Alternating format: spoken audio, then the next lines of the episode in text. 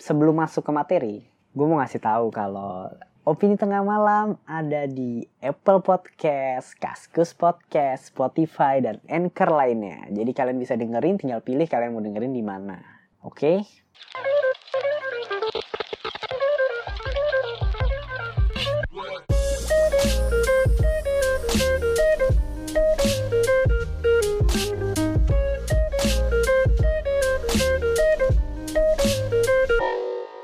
Segitiga bermudanya Indonesia. Aduh. Halo, balik lagi bersama gue Bimo di Opini Tengah Malam.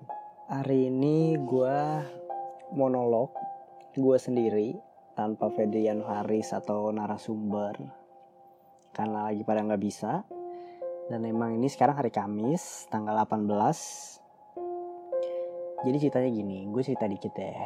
Ceritanya tuh gini, tadinya kita mau ngebahas tentang ternyata ada loh website yang lebih dara, dalam dari deep web gitu. Kedua, itu temanya Faris, cuma Faris kan nggak bisa. Jadi mungkin uh, minggu depan mungkin karena memutuskan bahas JFK kematian John F Kennedy tapi lagi-lagi Fedrian nggak bisa jadi harus dibatalkan karena konspirasi JFK itu salah satu konspirasi tingkat tinggi. Yang nggak bisa bukan nggak bisa satu orang sih tepatnya. Itu benar-benar harus tersusun rapih gitu loh. Jadi kalau gue main asal ngomong aja konspirasi itu mungkin nggak akan sebagus kalau gue berdua atau bertiga gitu. Jadi gue hari ini ngebahas konspirasi yang enteng sih. Cuma ya mungkin kalian belum tahu kan. Jadi akan gue bahas sendiri. Aduh ngomong sendiri itu gak enak banget cuy. Kayak gak ada partner gitu loh. Kalau mau mau ngelucu nanti nggak lucu nggak ada yang ketawa gitu. Mending nggak ngelucu kan. Jadi gini hari ini gue mau ngebahas tentang segitiga bermudanya Indonesia. Kalian tahu? Kalian tahu? Tentu tahu pastinya. Ini pernah jadi serial TV di Net TV kalau kalian tahu. Namanya Masa Lembo dan nggak cuma di luar negeri aja yang punya segitiga bermuda ternyata di Indonesia juga ada. Gitu. Oke maaf ya kalau seandainya konspirasi ini kurang menarik atau apa. Karena ya kalian tahu gue nggak mungkin bahas konspirasi berat JFK or deep web. Dengan sendiri monolog gini sulit nggak gampang gitu loh. Jadi gue tetap ngasih konspirasi dan konspirasi ini kok menarik kok. Belum pernah kan opini tengah malam ngebahas konspirasi Indonesia. Mungkin ini waktunya. Apa gue harus ngebahas seksi killer? Enggak sih. Enggak lah itu film kok. Dan itu bukan konspirasi ya. Oke. Uh, langsung masuk aja ya. Segitiga bermudanya Indonesia yaitu di masa Lembo. Masih menjadi misteri. Banyak kapal-kapal yang melintasi masa Lembo itu tenggelam Kenapa? Kita bahas aja. Uh, sorry nih gue sambil baca dikit karena nggak mungkin gue menghafalnya kan. Segitiga Masa Lembo adalah sebuah garis kayal yang menghubungkan antara Pulau Bawean, Kota Majene, dan Kepulauan Tengah yang berada di Laut Jawa, termasuk perairan Masa Lembo.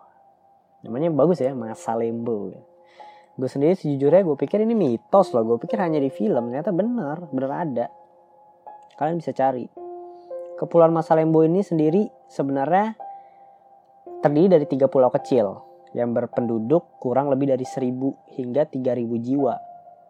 Kepulauan ini masih termasuk dalam wilayah Kecamatan Masalembo, Kabupaten Sumeneb. Wow, dikit banget orangnya, cuma ribuan orang. Dan pulau kecil gitu loh. Jadi mungkin sorry bukannya kenapa-napa mungkin masih unsur unsur apa ya belum belum terjamah sama modernisasi gitu maksud gue belum terjamah dengan mungkin teknologi-teknologi yang udah kita rasain sekarang. Jadi mungkin hawa mistisnya itu masih terasa banget. Menurut gue ya berbagai kecelakaan dan tragedi di perairan masa lembu pada 27 Juni 1981 pernah terjadi sebuah tragedi mengenaskan yaitu tenggelamnya kapal Tampomas Perahu tersebut terbakar sebelum akhirnya tenggelam dan menelan ratusan nyawa. Hari itu menjadi sejarah hitam maritim Indonesia. Jadi kalau kalian yang belum tahu, kapal Tampomas ini terkenal banget sih dari gua kecil juga kayak Titanicnya Indonesia disebutnya. Dia terbakar dulu, jadi banyak banget orang yang meninggal karena terbakar, karena tenggelam, dan karena ya hancurnya kapal ini gitu. Beberapa tahun kemudian berbagai kecelakaan juga terjadi di wilayah perairan tersebut seperti kapal Senopati Nusantara yang tenggelam pada 29 Desember 2006. Hilangnya pesawat Adam Air pada 1 Januari 2007. Wow, jujur, gue baru tahu Adam Air itu tenggelam di perairan Masa Lembo. Oh, makin mistis ya ternyata. Jadi nggak cuma kapal laut, pesawat pun tenggelam di segitiga Bermuda Indonesia ini. Tenggelamnya kapal Mutiara Indah pada 19 Juli 2007. Kapal Fajar Mas 27 Juli 2007. Sumber awal pada sumber awal kapal sumber awal pada 16 Agustus 2007. Wow, 2007. Kenapa 2007 banyak sekali kapal yang tenggelam ya dan pesawat di perairan Masa Lembo. Terus ada Teratai Prima 11 Januari 2009. Dan ini bukan kecelakaan maksudnya masih banyak kecelakaan lain rentetan kecelakaan ini tentu akhirnya menjadi misteri tersendiri jadi masih banyak banget ternyata yang tenggelam di masa lembo nggak cuma yang tadi gue sebutin ternyata nggak kalah mistis sih menurut gue sama segitiga bermuda yang isunya wow di segitiga bermuda itu ada dajjal loh nanti dajjal muncul dari situ gitu padahal ada teori sainsnya kan ilmuwan juga sudah menyatakan sebenarnya. Tapi kita lihat masa lembo ini apakah kalian lebih percaya unsur mitos atau unsur dari sainsnya. Mitos seputar masa lembo. Banyak mitos yang berkembang di seputar wilayah masa lembo. Salah satunya adalah bahwa konon wilayah perairan tersebut adalah kerajaan para makhluk halus. Oke, mulai mistis ya karena yang kita tahu Indonesia itu emang masih kental dengan hal-hal seperti ini. Jadi gue sih percaya-percaya aja. Terus ada gue baca nyampe mana tadi? Oke, okay. kabar kabarnya mereka yang melewati daerah tersebut harus memberi salam dan sesaji atau tumbal agar tidak menjadi korban kecelakaan naas. Hmm, mungkin karena ini terjadinya di Indonesia, jujur gue pribadi ya 70% gue percaya karena yang lo tau lah lo kayak ada lah mitosnya kan kalau lo lewat di jalan sepi lo harus eh klakson tiga kali permisi. Seenggaknya lo permisi gitu. Atau enggak uh, lampu dim lo nyalahin tiga kali atau dua kali gue lupa. Nanti lo aman lewat situ. Kan banyak kan mitos-mitos yang kayak gitu. Jadi dengan adanya mitos ini di masa lembo kayak gini ya percaya nggak percaya. Bener nggak sih? Bener nggak Fed iya Fedian nggak ada. Maaf ya sedih banget gue ngomong sendiri gini bahkan menurut beberapa orang yang berhasil melewati laut dengan selamat mengatakan bahwa mereka melihat penampakan aneh dan misterius seperti burung besar, ular laut raksasa, naga dan sejenisnya. Oh my god, damn, gue kayaknya nggak bakal mau lewati masa lembo. Gila cuy, hewan-hewannya yang dia lihat tuh burung besar. Lu bayangin burung besar men. Ular laut raksasa. Duh gue jujur ya, jujur pribadi. Ya cerita dikit. Jadi gue itu salah satunya gue tuh fobia banget. Oke naik, gue takut ketinggian. Tapi gue lebih baik naik pesawat dibanding gue harus naik kapal. Kenapa? Karena gue yang pertama kapal itu luas banget cuy. Eh kapal itu luas banget, laut itu luas banget cuy.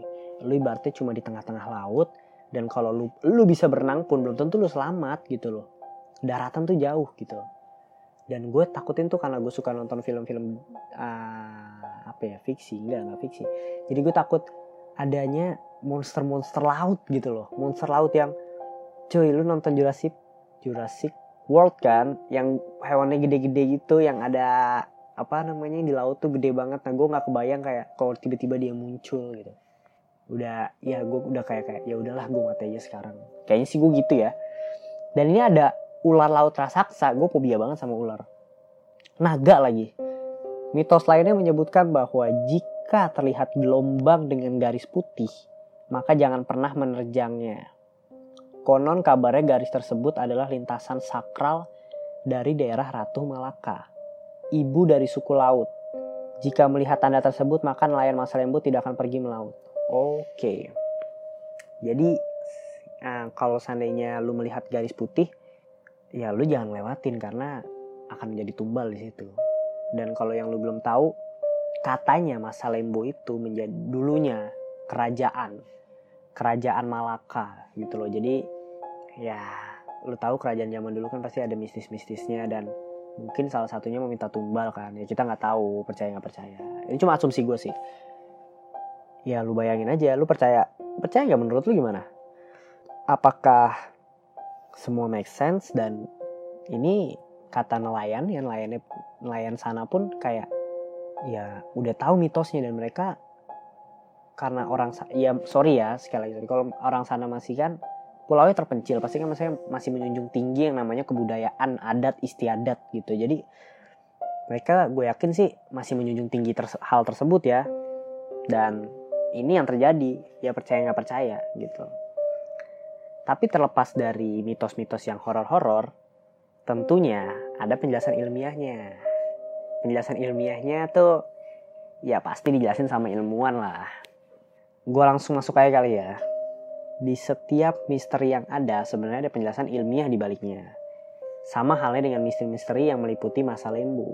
Kawasan ini memiliki arus sangat kencang yang berasal dari barat dan terus memanjang ke Laut Jawa. Selanjutnya dari Selat Makassar terdapat arus utara yang terjadi akibat perbedaan suhu. Oke.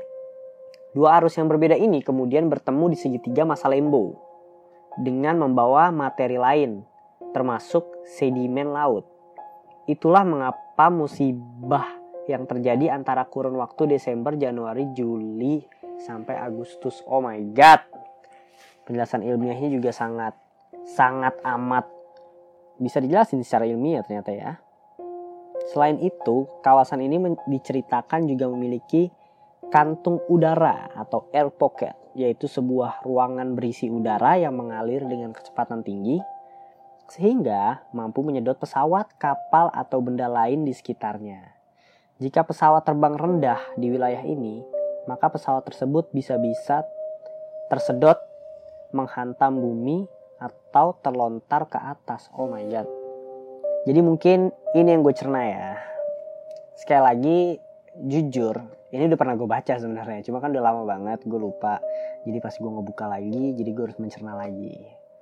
Jadi itu nanti gue kirimin gambarnya di Instagram. Intinya ada arus kencang yang berasal dari barat terus memanjang ke Laut Jawa. Dari Selat Makassar terdapat arus utara dan akibatnya perbedaan suhu. Jadi kayak mereka tuh arus kedua arus itu akhirnya ketemu dan menimbulkan ya ini di bulan itu. Eh di bulan Desember sampai Januari dan Juli sampai Agustus. Sehingga mampu menyed, apa namanya? Selain itu kawasan ini diceritakan juga memiliki kantung udara. Jadi kantung udara itu menyedot kapal, pesawat atau benda lain di sekitar. Jadi intinya mungkin yang gue tangkap ya, apa pun apa pun bendanya itu akan kesedot atau terlontar ke atas dengan kecepatan tinggi. Ini bener-bener secara ilmiah banget sih dan percaya nggak percaya ya kalau dijelasin secara ilmiah ini dan gue ngeliat gambarnya sangat masuk akal dan dan dan iya jadi kapal yang melintasi itu mungkin mereka belum belum kayak mengabaikan atau mungkin mereka masih dengar mitos ya kali. Jadi belum baca yang sainsnya dan akhirnya ya terjadi kecelakaan itu. Jadi itu sih penjelasan masa lembu. Konspirasi masa lembu. Kalian lebih percaya yang mana nih? Mitos dari yang horor? Ada kerajaan hantu di masa lembu atau penjelasan ilmiahnya gitu aja sih podcast tentang konspirasi pada hari ini. sekali lagi sorry banget.